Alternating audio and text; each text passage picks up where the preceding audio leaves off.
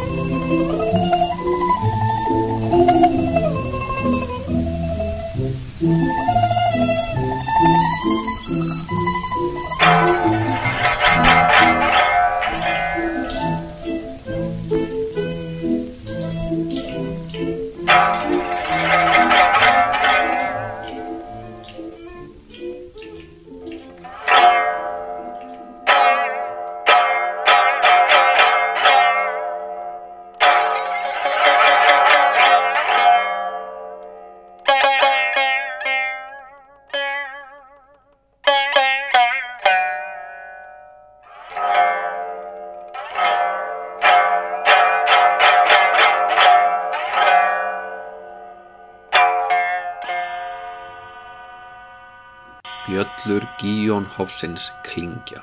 og hver sem heyrir bergmál þeirra veit að ekkert varir, sá sem starir á lauf salablómsins sér að allt sem blómstrar mun einnig fölna. Hinn er miklu endast aldrei eins og draumur á vornóttu þeir hverfa einnig eins og eigði sandurinn fíkur burt með vindinum. 祇園少女の金の声。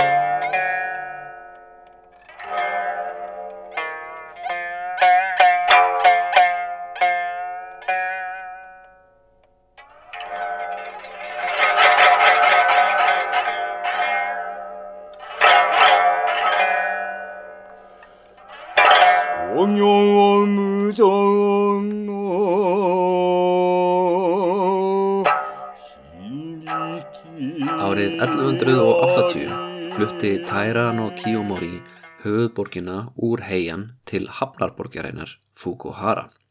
Í gegnum árin hafði hann verið að byggja upp þennan bæ, hafnarmannverkin og óðalsetrinn þar í kring og nú hýsti þetta svæði ágætis kaupstað sem hafði mjög fjölþjóðlegan karakter með japanskum, kínverskum, kóruskum og mögulega enn meira framandi kaupmönnum. Kiyomori var á hátindi veldi síns og tæraættin hafði gegnum tengsl sín við keisrafjölskytuna ekki bara tyggt sér einogunarstöðu yfir versluninni, heldur helmingin af öllum landstjórastöðum og meiri hluta landaregna í söður hluta Japans. Á þessum tímapunkti jafnvel mætti gera ráð fyrir að tæraættin eigi um helmingin af Japan. Ekki nóg með það heldur hafði Kiyomori tekist að koma badnabadni sínu í hásætið. Keisarin Antoku var fyrsti keisari í sögu Japans með samuræja blóð í æðum og hann þurfti að treysta móðurafa sínum fyrir að stýra ríkinu. Eins og keisarar höfðu forðum falið Fujiwara ættin að gera. Öld tæra ættarveldisins virtist runnin upp og fólk á þessum tíma ímyndaði sér að hún gæti allt einn staðið jafn lengi og uh, tími Fujiwara ættarinnar, 400 árið að svo. Einungis fimm árum síðar var Kiyomori látin og allir afkomendur hans fallnir í valin, þar með talið keisarin sjálfur sem fórst þegar móður hans stökk með hann í fanginu úr bát sínum og lefði sjávaröldunum að gleipa sig, prinsinn og krúnutjást Japans. Þar með hvarf tæra ættin af yfirborði jarðar og ekkert, ekkert var eftir af afrökum hennar. En hvernig gat þetta gerst?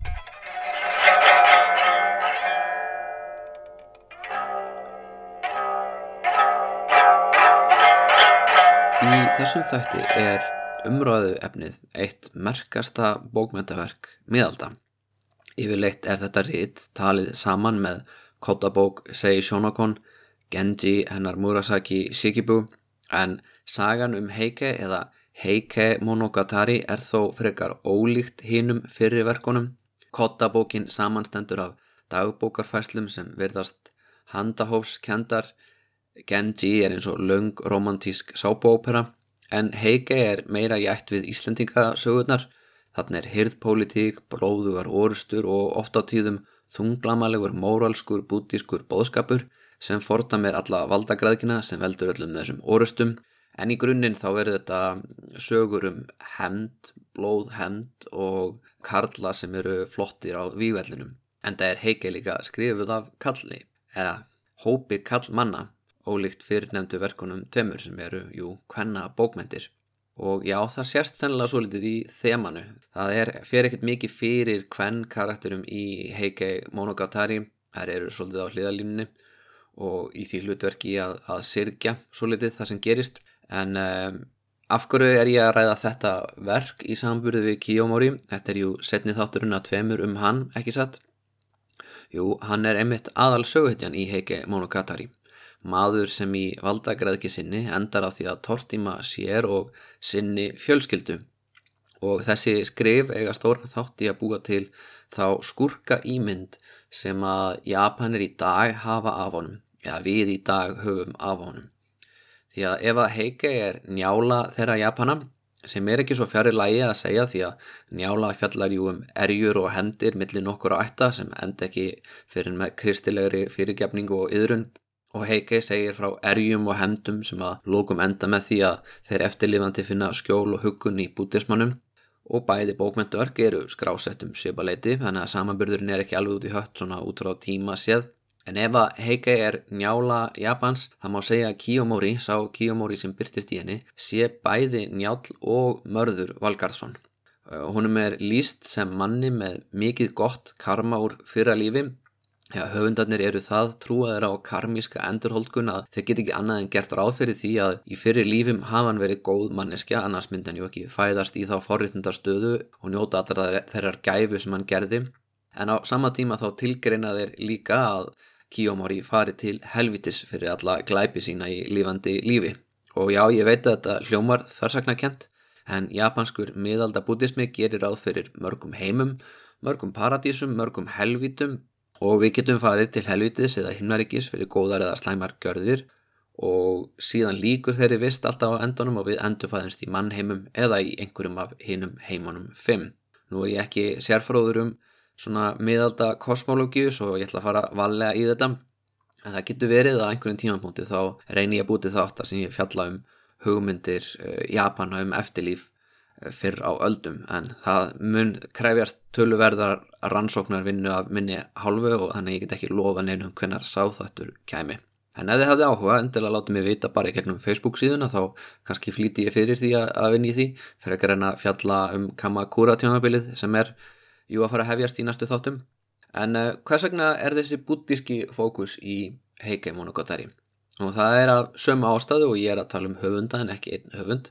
að því að uppröndilega var Heikei Monogatari Heikei saga til í gegnum hvæði og hverjir sungu hvæðin það voru munkar sem sunguðu. Ofta tíðum svona farandmunkar sem voru að skemta fólki með því að spila undir á bífa, það er svona nokkuð skonar forn japanskur Eh, gítar eh, náskildur eh, indverska sítarnum eða svona hann er talin hafa komið að sjálfsögðu í gegnum uh, silkileðina frá Indlandi til Kína og svo lókum endaði þetta í Japan og orðið að þessu þarna, þrengja hljóðfari og þessi munkar þeir uh, sungu um orustur og valdatafl 12. aldar og þeir að sjálfsögðu gátt ekki staðist mátið og þeir þurfti að predika um leið þannig að þeir voru að fjallum eitthvað sem fólki fannst spennandi orustur og stríð og hetjudáðir og svo leiðis en Þið þurftu alltaf að setja smá ingang um hvernig allt er hverfult og síðan þurftu þér alltaf að, að enda söguna á því að, að segja að þetta hafi nú eiginlega verið til einskís og jafnvel hetjur þær sjá eftir hetju dáðum því að því allt í heiminum er jú hálgjört hjóm nema þetta lögmáliði sem búta bóðar.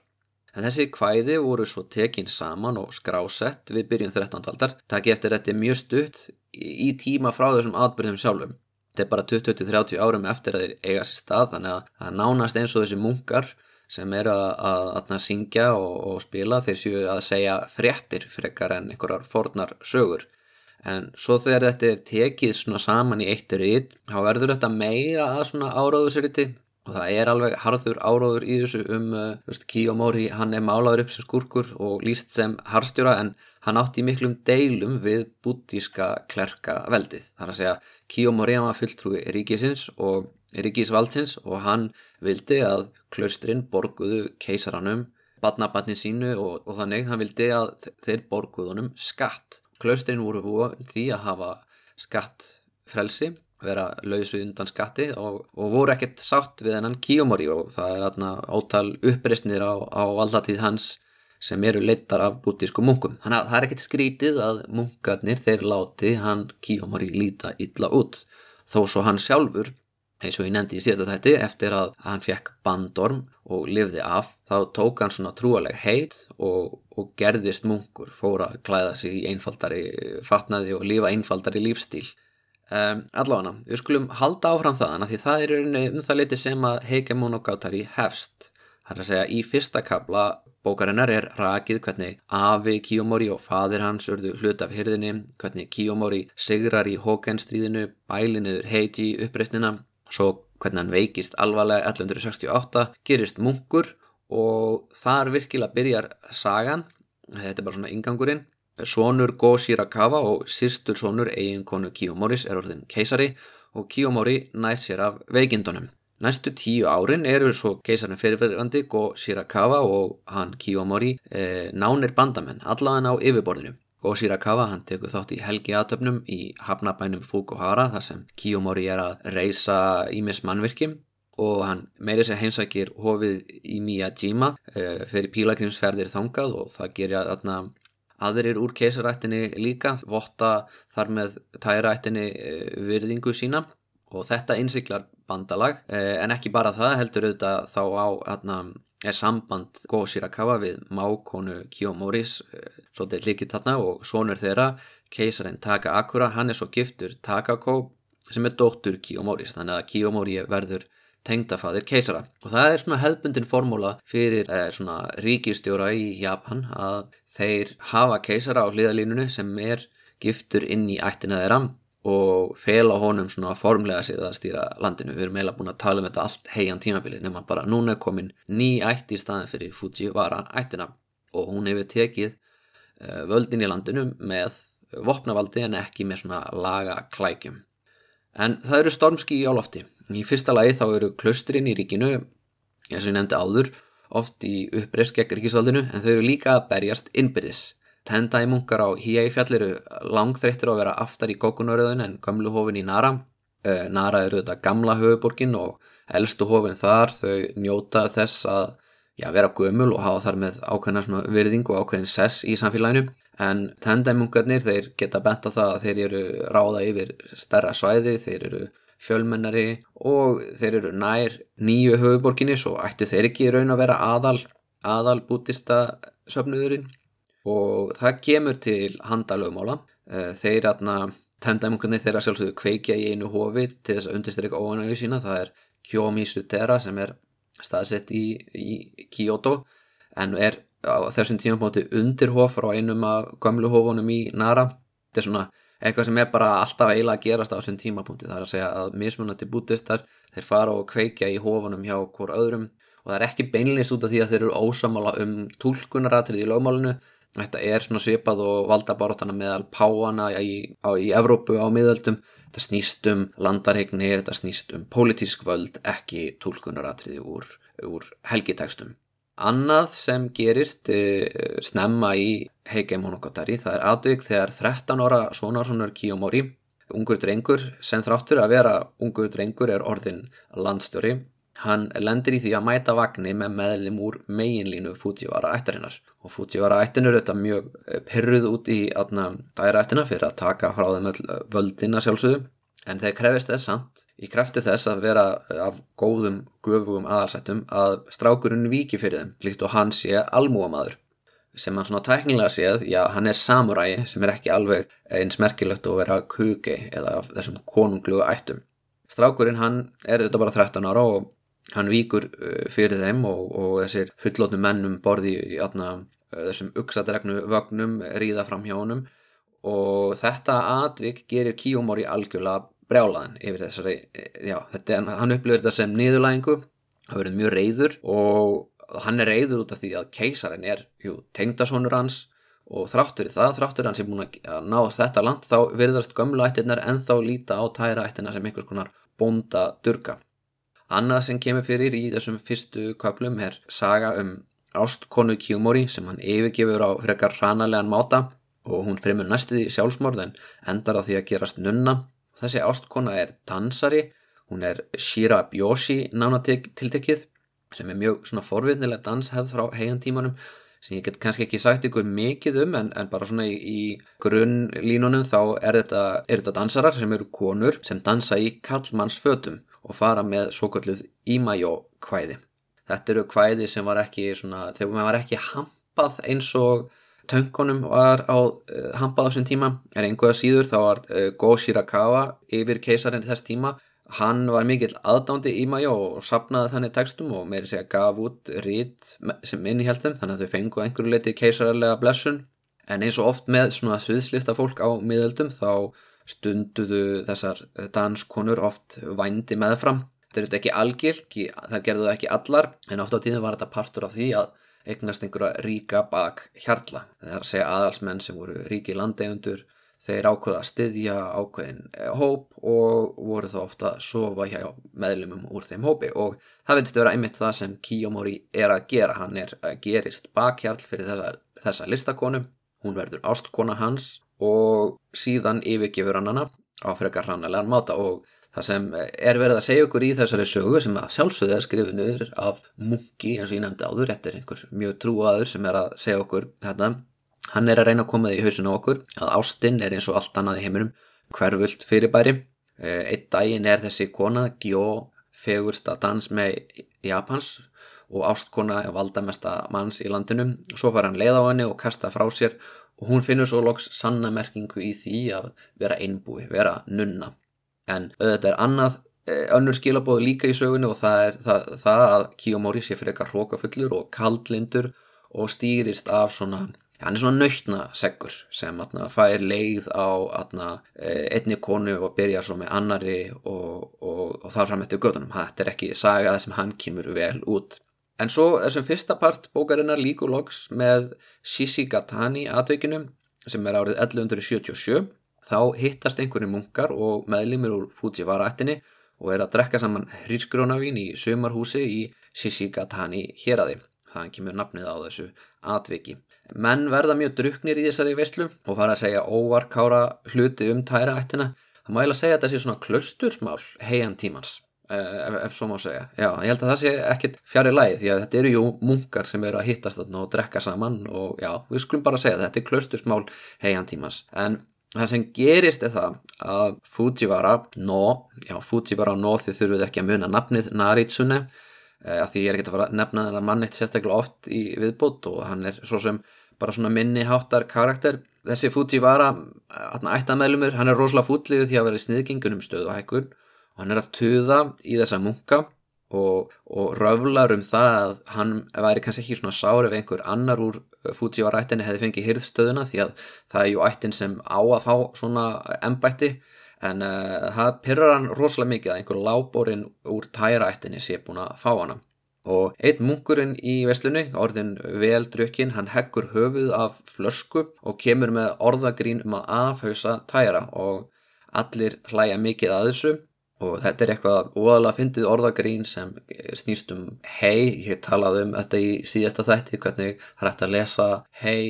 þarna taknið sem tæra og, og þetta er sérstaklega sama taknið og það er eitthvað orðagrín á því að eitt af orðunum í forn japansku flösku er heishi og þess að hann afhauðsa flöskuna en segist vera afhauðsa tæra ættina. Ja, þetta, var, þetta er svona you had to be there típa af brandara og verulega mikið minna fyndið í dag heldur en það var þarna á tóltöld í Japan. En allavega e, þeir hefðu hleyið minna ef þeir hefðu vitað að einn af mönnunum í veslinu er í rauninni njósnari e, og Hann að sjálfsögðu fer og segir Kiyomori frá þessu og Kiyomori vantalega greiður honum vel fyrir en þeir Kiyomori ríkasti maður í Japan með einokun á verslun við Kína og ættinans á helmingina af öllu landi. Þannig að hann hefur efni á því að halda upp í góðu njósnanetti og hann lætur grípa munkin sem kom með flöskugrínið og pyntar hann. Þar til hann uh, játar að gestur í verslunni hafi verið að plotta valdaran Eh, sem er hæpið eh, verði að segja. Ég, ég held að þetta sé svona grín, ekki góðlátlegt grín frekar kvikinnislegt grín vissulega. Þetta eru menn sem eru bitrir yfir því að vera orðnir frekar valdalösir og þeir eru að drekka saman og þeir eru að tuða og þeir eru að baktala Kiyomori. En Kiyomori hann er að leita sér að afsökun til að gera það sem honum virkilega langar til. Og það er að hann taka fullt af meðlumum úr Fujiwara ættinni að þeir eru búin að móðga batnabatnans og hann bara lætur ekki bjóða sér þetta lengur. Og já, akkur ekki, hann uh, lætur handtaka marga meðlum í hyrðinni og hyrðir að þeim landið í leið og svo getur hann líka gripið nokkura munka og það er líka bara mjög fínt að handtaka munka og aðeins aðna senda herlið út í klaustrin út af því að þau eru búin að vera neyta að borga skatta og með þessu, hérna, með þessu klaustusmáli tekstónum að svona klekja á anstæðingum. Þetta er svona síðasta skrefið í yfirtöku hans á hyrðinni og, og völdunum í landinu því að hann var ju búin að sigra mína mótuættina sem var svona herlið Fujivarættarinnar en hann hafði aldrei fengið góða afsökun til þess að reynsa almennilega til. Nú, hann lætur líka handtaka Go Shirakawa þennan fyrrum keisara og hann gerir það út af því að Go Shirakawa er eini pólitíkjósun í landinu á þessum tímapunkti sem getur raunverulega ógnáðunum. Uh, hann hefur jú eitthvað tilkall til að stýra ríkinu líka því að hann er uh, keisari sem sagði af sér og það er uh, sonur hans sem er núna keisari og vanalega eru, atna, eru feður keisara þeir sem stýra landinu búin að það búið að vera þannig síðast liðin hundrað ár. Þannig að Kiyomori ákveður að setja Go Shirakawa í stofufangelsi og, og geima hann þar sem er svolítið írónist því að hann bjargaði hann góð Shirakawa úr stofufangilsi tíu árum áður en núna er hann raunverulega orðin einvaldur hann Kiyomori og það bara með því að móðgast yfir einhverju orðagrinni á fyllir í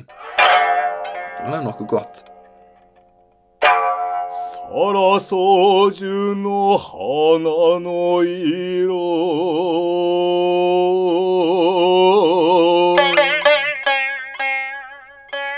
Já, sagan Heike gerir mikið úr raunum þeirra sem verða fyrir þessu, eh, sérstaklega þeim sem eru sendir í útlægð eftir þessa veistlu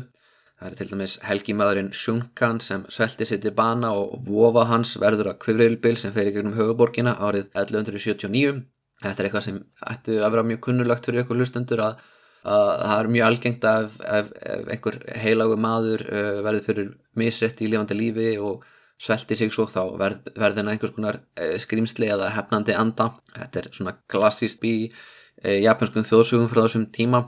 en e, síðan eru ýmsar aðrar hörmungar sem e, eru útskýrar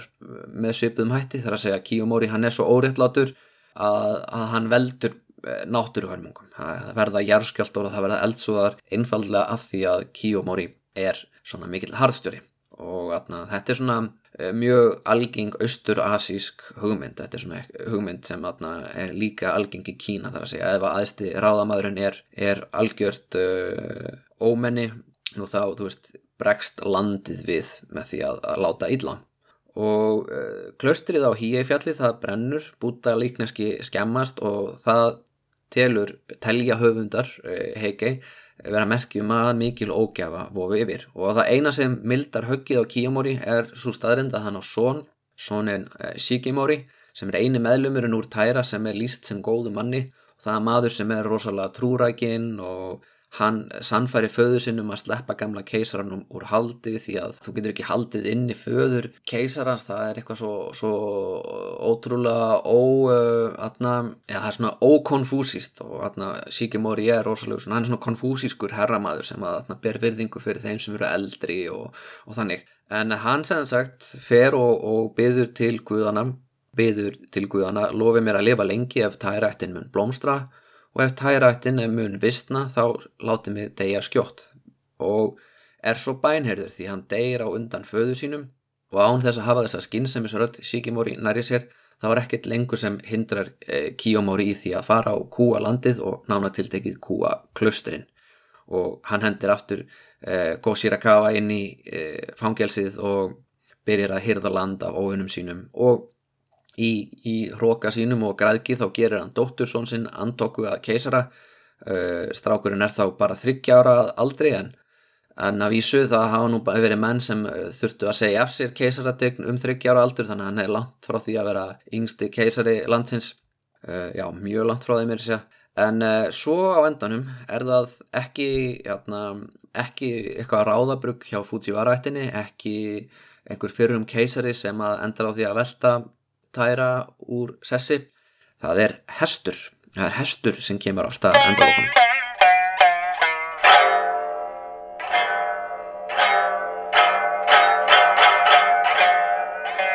Skáldið og stríðsmaðurinn Minamoto no Yorimasa, hann er svona fjarskildurættingi þeirra Minamoto manna sem voru að berjast gegn Kiyomori á sínum tíma. En hann er, hann er skáld fyrst og fremst og býr í heian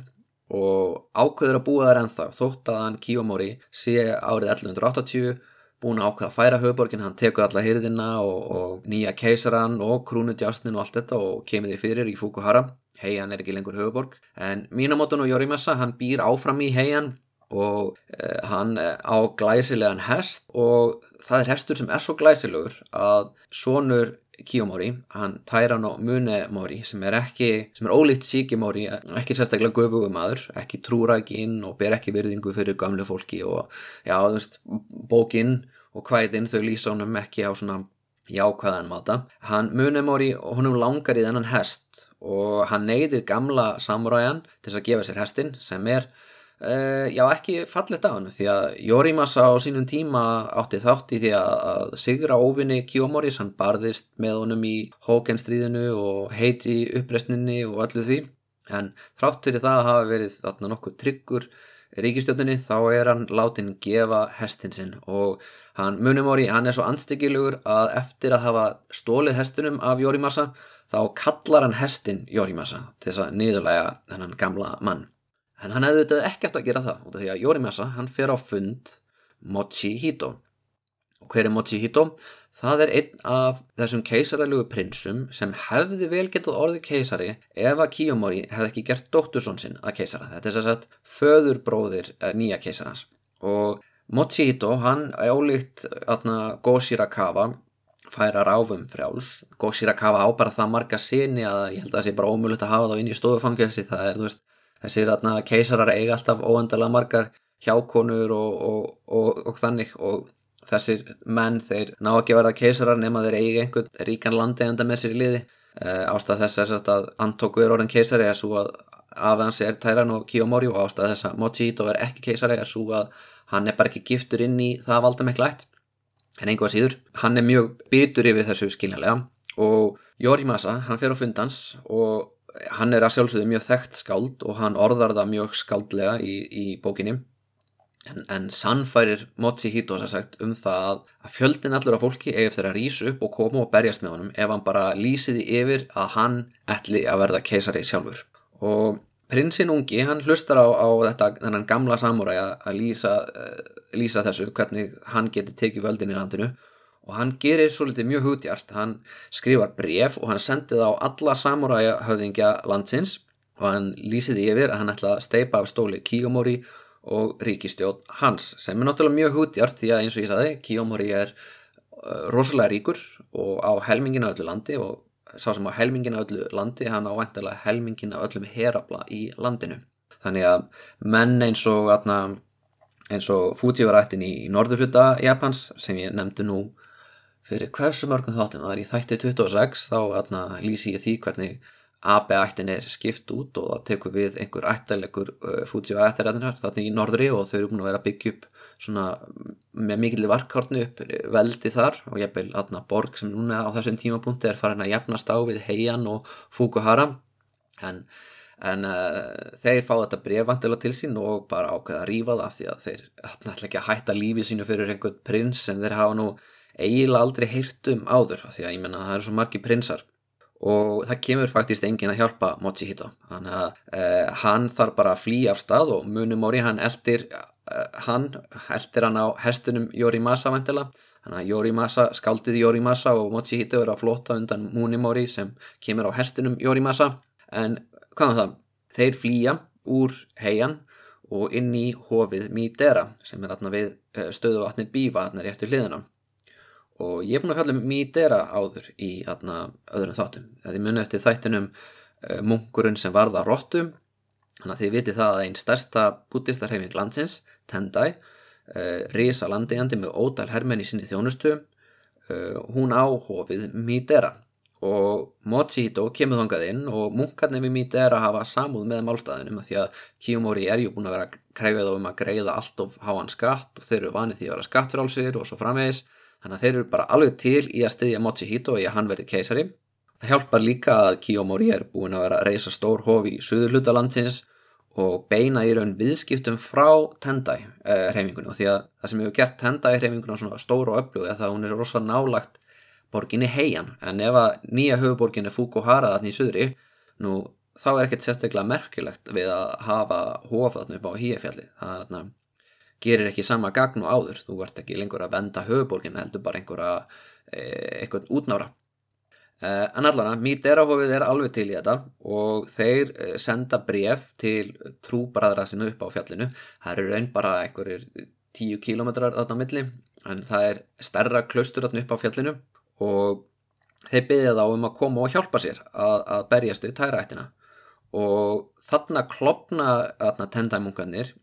því að sumir vilja berjast og sumir vilja ekki berjast. Og það kemur einna kaplu þar sem uh, munkar við Enryakuji klöstrið eru að rífast um þetta og, og eins og þið munið úr munkinu sem var það róttu þá uh, er sagt, Míterahofið, það er svona höfuðstöðvar ákveðina reyfingar innan uh, Tendai sem vil meina að ábótinn ætti að vera eða svona uh, aðstæða höfuð reyfingarinnar ætti að vera presturinn í Míterahói en þeir sem búa upp í klausturinu upp á fjalli e, þeir vilja meina að aðsta höfuð hreyfingarinnar sé ábótinn sem er í klausturinu þar. Og þeir lesa í brefinu að trúbræður þeirra í, í Mítera þeir skrifa við erum eins og tvö hjólundi sama vagnni við erum eins og tveir vangir á sama fuggli við þurfum að standa saman og berjast gegn samiðilegri okk og það er margir sem segja, já það er rétt við skulum fara og berjast gegn Tæran og Kjómori. Hann er algjör harstjóri og, og þetta er bara komið gott við þurfum að fá höfuborgin aftur til heian en svo eru aðrir sem lesa þetta breg og segja, hvernig dyrfastir segja við síðan eins og tveir vangir á sama fuggli tvö hjólundir sama vagni, það er nú frekar þannig að þeir eru eins og trjágrein og við erum trjástofnin þannig að þeir eru ekki nógu auðmjúkir í þessu brefi og við getum ekki sendt herliði niður til þeirra og látið þá hafa fórustuna, ég menna þá eru við eiginlega viðkynna þeir séu að þeir séu fyrir ofan okkur, þannig að það endar á því að, að það kemur engin hjálp ofan úr fjalli og tæra herlið það mætir á staðin brenniður Míderahof og það hefur kannski sparað þeim atni í klösturinu atni upp á fjalli svolítið að vinnu því að þeir náttúrulega voru mjög reglulega að brenna niður Míderahofið og Míderahofið var mjög reglulega að brenna niður klöstrið en þannig sést að sko að sko það er engin samstaða innan bútista hreyfingarinnar. Þeir, þeir eru kannski með fullta herlið og fullta landi en uh, hata hvort aðra meira heldur en þeir hata Kiyomori greinlega en Mochihito hann uh, heldur áfram á flótunum og uh, það verður orusta á brú yfir Uji fljót þarna skamt frá heian. Þetta er fyrsti bardaginn sem er líst í heike Þarna eru nokkri héttulegi munkar og samuræjar sem fari í einvíi og ég ætla að spóla yfir það þó svo að það séu skemmtilega lýsingar í, í því og allt það. Og kannski mun ég fara nánar út í orustöldnar í næsta þetti en, en sem sagt uh, það eru ekki allir ja, miklar skræfur og, og, og kallarnir upp á fjallinu. Af því að gömluhofin í Nara Þau eru líka ósátt við stöðu sína í þessu nýja kerfi og finnst ekkert að þau eiga að vera að borga skatta fyrir ykkur en, en áður og, og þau taka undir uh, með Mochihito. Þau svara brefun og segast við ætlum að vera menn, við ætlum að berjast gegn tæra ættinum. En þeir náttúrulega bara gera það of sent. Mochihito er gripinn aðna á brunni og Yorimasa deyr og, og aðna hann er að sko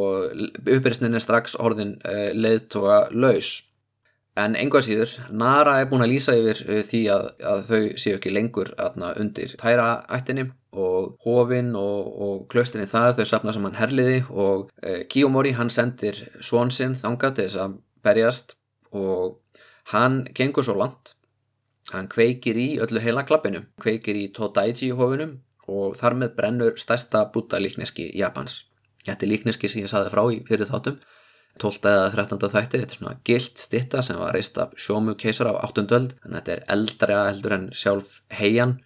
og á sínum tíma þá kostaði þetta meirilutan af landsframlegslu í Japan, þannig að þetta er alveg stór og merkileg stitta, en hún sér að brennur niður og síðan snýr herfóringin tilbaka, sonur Kiyomori snýr tilbaka til nýju höfuborgarinnar og hvað gerir Kiyomori? Nú þarna mögulega gerir hann sín stærstu pólitísku mistök. Það var auðvitað kannski mögulega skynsalegt hjá hann að, að færa höfuborgina söður, uh, kannski styrti það völd hans í sessi. Mögulega hefði það verið auðveldara ef hann hefði haft höfuborgina á sama stað og reynd að stýra landinu frá heian. En uh, hann sem sagt tekur sinni sínu fagnandi og verðlaunar honum fyrir að hafa brent niður þessa, þessa heilugu líkneski og það gerir uppreist sem var hinga til einangluð bara í einum landsluta í einu vettvangi að stóru stríði út af því að, að með því að brenna þessi gömlu hof þá sjokkerar hann uh, í rauninni íbúa landsins það mikið og hann gefur í raunin á veru svona gömlum anstæðingum færi á því að lýsa yfir stríði og berjast uh, í nafni, já kannski ekki jafn nafni trúar en í nafni einhvers svona rétt, núna er komið einhvers konar svona uh, sterkara umbóð en bara bref frá einhverjum einum uh, prinsi, þetta er þarna, Kiyomori er virkilega búin að fremja einhvern hrikalegan glæp. Og á þessum tímabónti þá lýsir þarna Heike Monogatari því að martraðir plæjan Kiyomori, hann sjáu andlit byrþast sér höfukúpur og hann heyri hlátur óma úr tómunum og stuttu síðar þá fær hann háan hita og hitin er svo mikill að þeir sem snertan þeir bókstaflega brenna. Og það er eins og Kiyomori sé nú þegar komin til helvitis það sem hann er að brenna en þarna Kiyomori hann fer í köld böð og það dör ekki til því að hann, hann fer og hann í bað og baðið byrja bara að sjóða sko og þess að sagt syndin að brenna niður svona mörg hof og klöstur og líkneski það hefur einfallega kallaði verið hann bölfun og stuttu síðan þá deyir Kiyomori og hann uh, fer beint til helvitis og það er mæt honum djöflar með uksahöfuð og hrossahöfuð og byrja vantilega að pinta hann. Svona það gefur allan að uh, heike í skinn. Og við því er svo sem ekkert mikið að segja við bara, já við náðum punktinum kæru munkar, það er mjög slæmt að láta klaustur borga skatt og það er verra að kveiki í þeim. En ég hef bara eina aðtöð að sendi sjálfur sér handa höfundum heiki og það er það að það þarf ekkert endilega yfir náttúrulega skýringu fyrir því að útskýra að maður sem er komin á sjötugsaldur og vinnur mjög langan vinnudag og lifir óheilbriðum lífstíl það sem er mikið að kvennafari og mikið að drikju og svoleiðis. Þá gæti svoleiðis maður einfallega bara fengið hitasótt og dáið á tíma þar sem er ekki til neitt pensilin en ég veit ekki auðvitað gæti þetta verið uh, að, að bara að, að djöflar úr helviti bara mæti beinlist til þess að sækja hann og draga niður í undurdjúpin, hver veit? Það gæti líka að gæst en uh, þarna á þessum tíum búin í sögunni er, er hegemónu Kottari einungis hálnuð eftir þetta koma ja, lýsingar á orustum höfuborgin eh, er að færð aftur til heiand í vonum að friða eh, óana í bylgjuna. En það er allt á seint uppreysna með ná svo völdum í heian. Tærættin þarf að flýja söðrubóin fer aftur til Fukuhara og þeir fá smá von þegar uppreysna menn byrja að berjast innbyrðis um hver á að vera leiðtóju í byltingunni út af því að Mochihito er döður og veist, það er engin augljós leðtogi, búttistatnir, munkarnir, þeir eru ekkert sammála um það hvaða klöstur og hvaða hof er, er aðalhofið. Og það endar á því að það er Minamoto-ættin sem leiðir baróttuna gegn tæra en við viljum ekki að ræða Minamoto alveg strax. Við viljum bara lýsa hérna flóttanum hvernig tæraættin er farin að hörfa söður á bóginn. Mínamótaættin hefur náða að hertaka allt Honshu að lókum og stýri þannig meiriluta landsins en Tæraættin er með herskip og það gerir það verkum að þau ná að halda uh, Shikoku og Kyushu eigunum í söður hluta Japans á sínu valdi og í rauninni innra hafinu, eigunum þar og við þurfum að spóla yfir svolítið tíma. Uh, það eiga sér stað tvær orustur undir lók bókarinnar uh, þann 22. mars 1185 þá fer herfóringi Minamoto herliðsins yfir sundið frá Honshu til Shikoku. Hann gerir það í skjóli nætur og hann er með mjög fáment lið með sér því hann kemst ekki fram hjá atna, uh, eh, herskipunum. En uh, hún er tekst þess að koma með fáment rittaralið og laumast aftan að herliði tæra sem er statt við uh, strönd og á von á sjóorustu en ekki landorustu. Og þau sjá herliðið og þau vita að sko mínumóta ættin ræður yfir miklu fjölmennara rittaralið heldur en þau. Og þau gera ráðferði því að einhvern veginn hafi mínumóta ætti náða að koma sínu rittaraliði yfir á e, Shikoku og þau byrja að flýja þetta er byggt á miskilningi því að í raunni atna, e, eru þeim miklu stærri hér og hefðu getað sigrað þennan, e, já þetta er svona mjög fýptjart hjá mínumóta ættin að reyna þetta. En einhvað síður, niðurstaðan er svo að tæraættin hún byrjar að flýja, Minamoto rekuðu á flóttan og, og síðan kemur loka orustan, það er orustan við Yashima, en bara mánuði síðar. Og þá eru Minamoto menn komnir með starri flóta og mæta þeim, mæta tæraættinni á svona hennar heimavelli, það er sjóorusta. Það er orusta sem er kvölduð Dan no Ura en hún á sér stað við það sem sund sem í dag er kallað Shimonoseki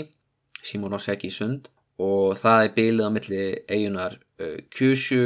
og eigunar Honshu og þar sagt, mætast flótar Taira og Minamoto sjóorustan ætti að vera Taira í hag en einhvað síður þá eru herrmennið þeirra þreyttir eftir mánuð á flóta og Minamoto herliðið er með meira sjálfströst og það enda með sigri þeirra. Og það sem ég finnst mikilvægt að nefna í þessu sammingi er það Antoku keisari, hann er um borð í einu af skipinu og hann er að sjálfsögðu með Krúnu Justin 3, hann er formlega séð ennþá keisari í Japans. Eh, upprýsnaliðið er ekki búið að velja nýjan keisara einfallega út af því að uh, sá sem hefur speilin, sverðið og eðalsteinin, hann er keisarin það er bara þannig, það eru reglunar og þetta eru gripir sem er allir gjöf frá solgjöðunni til afkomandar sinna og þessi orusta hún, hún varpar svolítið, mikill óvissu á hversu upprunalegir núverandi munir eru. Nú speillin skemmtist í eldsfóða á heiantímanu, það er skrásett. Samkvæmt góðsugunni þá er þetta bronspeill sem var það fyrsta sem sólgiðan sá eftir að hún snýri aftur úr helli sínum og endaði myrkra öldina sem hún hafi skilið heiminn eftir í.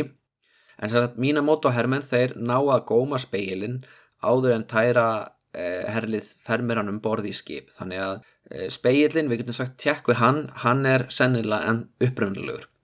en við erum ekki viss með eðalsteinin og sverðið Stormguðin Súsanó, hann var vist uppröfnulegur eigandi á þessu sverði og gaf það svo sýstu sinni sem gaf það svo afkomendum sínum en uh, það sökk með keisaranum unga þegar móður hans stökk í hafið með hann í fangisinum þannig að þau sjá að orustanir töpuð, þau eru umkringt og atna, dóttir Kiyomori hún stekkur með svonsinn sem þá er um 8 ára gamall og þau drukna. Nú perlukavarar munu hafa fundið þennan eðalstein í hafinu. Ég, veit ekki hvort þið trúið í eða hvort ég trúið í sjálfur eða geti vel verið að þau, þau hafi gert það. En það hafa alltaf verið orðrómar um að sverðið hafi týnst vanalega en hver veit, ég fjallaði mjög ídalega um þetta í sjötta þætti og það eru einhverju sjónarvottar sem hafa séð þetta sverð eftir þessa orustu og meðlumir í keirsarafjölskyldunni hafa séð þessa hluti en, en uh, við svona almenningur megum ekki sjá þetta það er engir fordlega fræðingar eða vísendamenn sem fá að rannsaka þessa heilugu muni en allavega ég, ég veit ekki kannski er sverðið á hásbótin kannski er sverðið í enþá í eigu keisarættarinnar það er eitthvað sem við munum ekki fá að vita uh, með neitni vissu hugsa ég. Nú, það eru nokkra frægar senur úr bardugum heikasögur sem flestir Japanir kannast við. Í orðstunni við Yashima þegar bátarnir eru komnir út á haf þá hæðist einn hyrðkona um borð uh, að samuræðinum á landinum og það er frækt aðvik þar sem einn samuræðin hann rýður á hesti sínum út í hafið og skýtum með uh, bóa sínum blævængin úr höndum konunar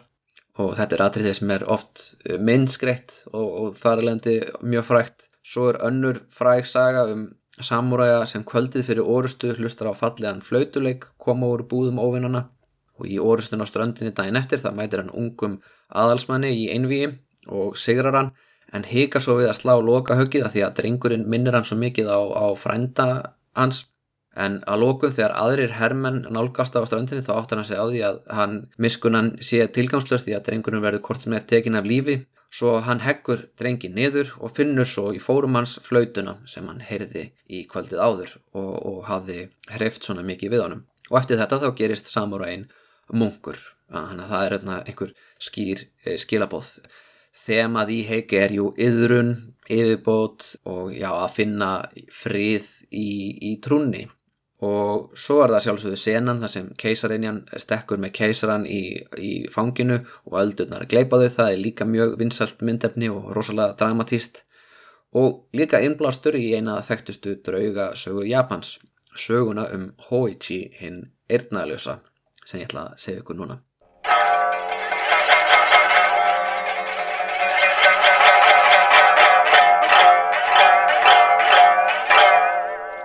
業者必須の断りを表す Í þessari sögu þá segir frá ungum dreng sem er blindur og þess vegna er hann látið inn gangi í klaustur en það hann er alltaf að fara að vinna mikið fyrir sér öðruvísi en nefnum með því að byggjast fyrir. Hann endar í hofi sem er reist skamt frá ströndinni þar sem þessi loka orusta í stríði Minamoto og Taira fór fram. Og nú er ég að átta mig á því að ég er ekki búin að segja ykkur nafnið á þessu stríði. En þá, þetta stríði er kallað Genpei. Gen eins og í Minamoto og Pei eins og í Taira, Genpei. Já, ég veit, það hljómar ekki mjög lókist en svo rifjum við upp að táknið fyrir Taira það er þetta að lesa það sem hei og hei verður Pei inn í miðju orði og Minamoto, það er þetta að lesa táknið fyrir Minamoto sem Gen eins og í Genji, þannig að þetta verður Genpei, já það er bara svona, ég, ég bjó ekki til þessar reglur, þetta er bara svona og þau verður bara sætt ykkur við það. Eh, stríðið heitir ekki Minamoto og Taira stríðið, það heitir Genpei stríðið. En allavega, blindit er einhverjinn Hoichi, hann er alin upp í þessu hofi sem var rist til að friðþæja eh, draugana og, og halda þeim rólugum svo að Minamoto ættin geti stýrt Japan í friði og þar lærir hann allar sögurnar um tæraættina og læri sem sagt Heikei Monogatari og hann læri líka að spila á bífa, forn japanska gítar og svo lærir hann að syngja og hann verður viðfrægur fyrir fallega rödd og fallegan hljóðfara leik sem er uh, mjög viðegandi, ég menna hvæðin fjallum tæra og hofið er tilengað öndum þessara tæra hermana sem letur lífið í orðstunni og hann spilar allan liðlangan daginn söguljóð sem fjalla um hetju dáðir þeirra. En dag einn þá fær hann Hoichi undarlegan gest þegar hann er að byggjast fyrir framliðinum öndum uh, samuræina. Það kemur samuræi til hans og byður hann um að fylgja sér og Hoichi fylgjur honum og er fenginn til að spila kvæðið sín fyrir stóran hóp fólks. Uh, og þetta heldur áfram kvöld eftir kvöld og alltaf er Hoichi reyðubúin að fylgja honum niður á hafinu og spila fyrir þetta fólk. Það verið meira segja að ná að lappa ofan í hafið sjálft með, með atna, e, hljóðfæri sitt. E, nema hvað, þetta eru þetta ekki fólk, ekki neitt venjulegt fólk allavega. Það eru miklu reymleikar á sæðinu, það eru eldlogar sem rýs upp úr hafinu reglulega og sjómenn þeir hæra hræðileg öskur í stormum og blindi munkurinn hann veit ekki fyrir hverja hann er að spila því hann sér þá ekki. En eh, aðrir átta sig fljótlega á því að hann sé í raun að spila fyrir framliðinar vofur þeirra sem sukku í hafið og druknuð í orðstunni. Og hann fer og, og spila fyrir heila hirða af draugum. Eh, með þessi að litla keisaran sem situr í fangi móðu sinnar situr og hlustar á þennan munk sem spilar svo fallega og segir söguna um tæra ættina.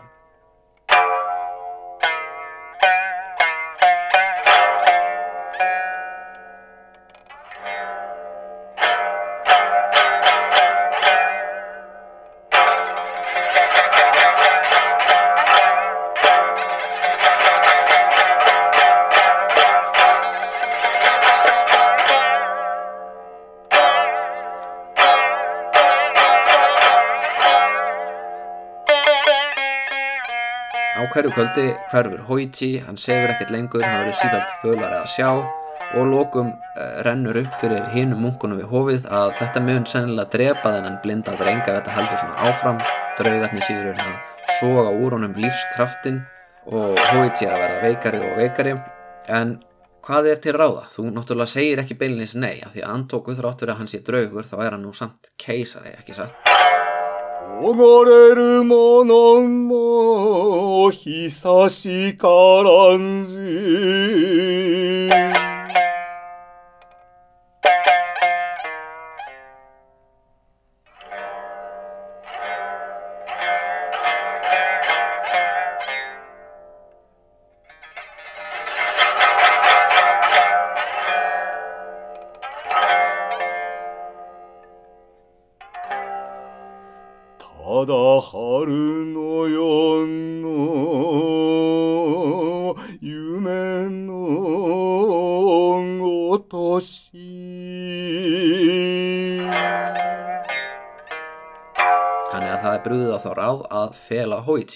En hann er ekki settur ofan í kistu eða eitthvað svo leiðis hann er látin sitja inn í miðju hófunu eins og vanalega, kyrja alla nóttina.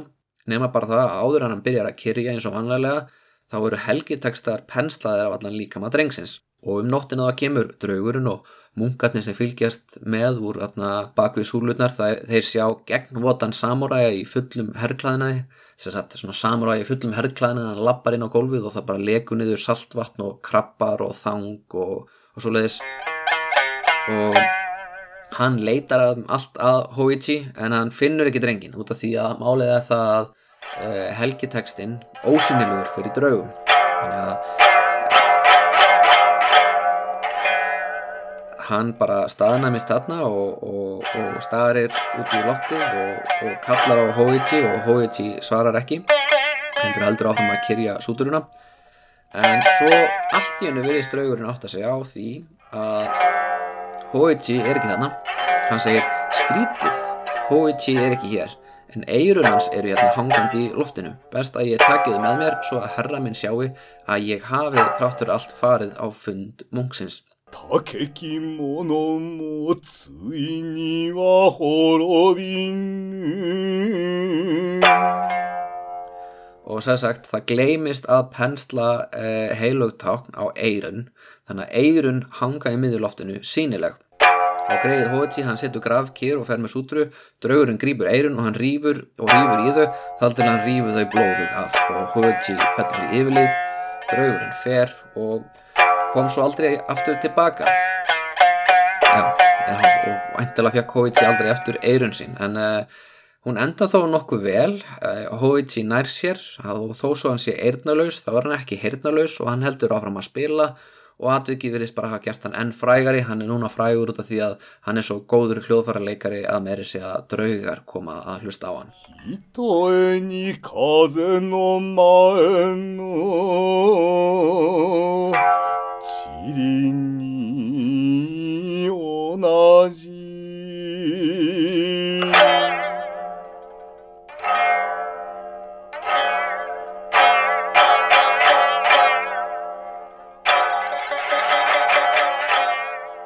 við þetta er ekki mikið meira að bæta nema jú, við þessa sömu strönd eru krabbar, eh, mjög sérkennilega krabbategund sem er kölluð heikei krabbar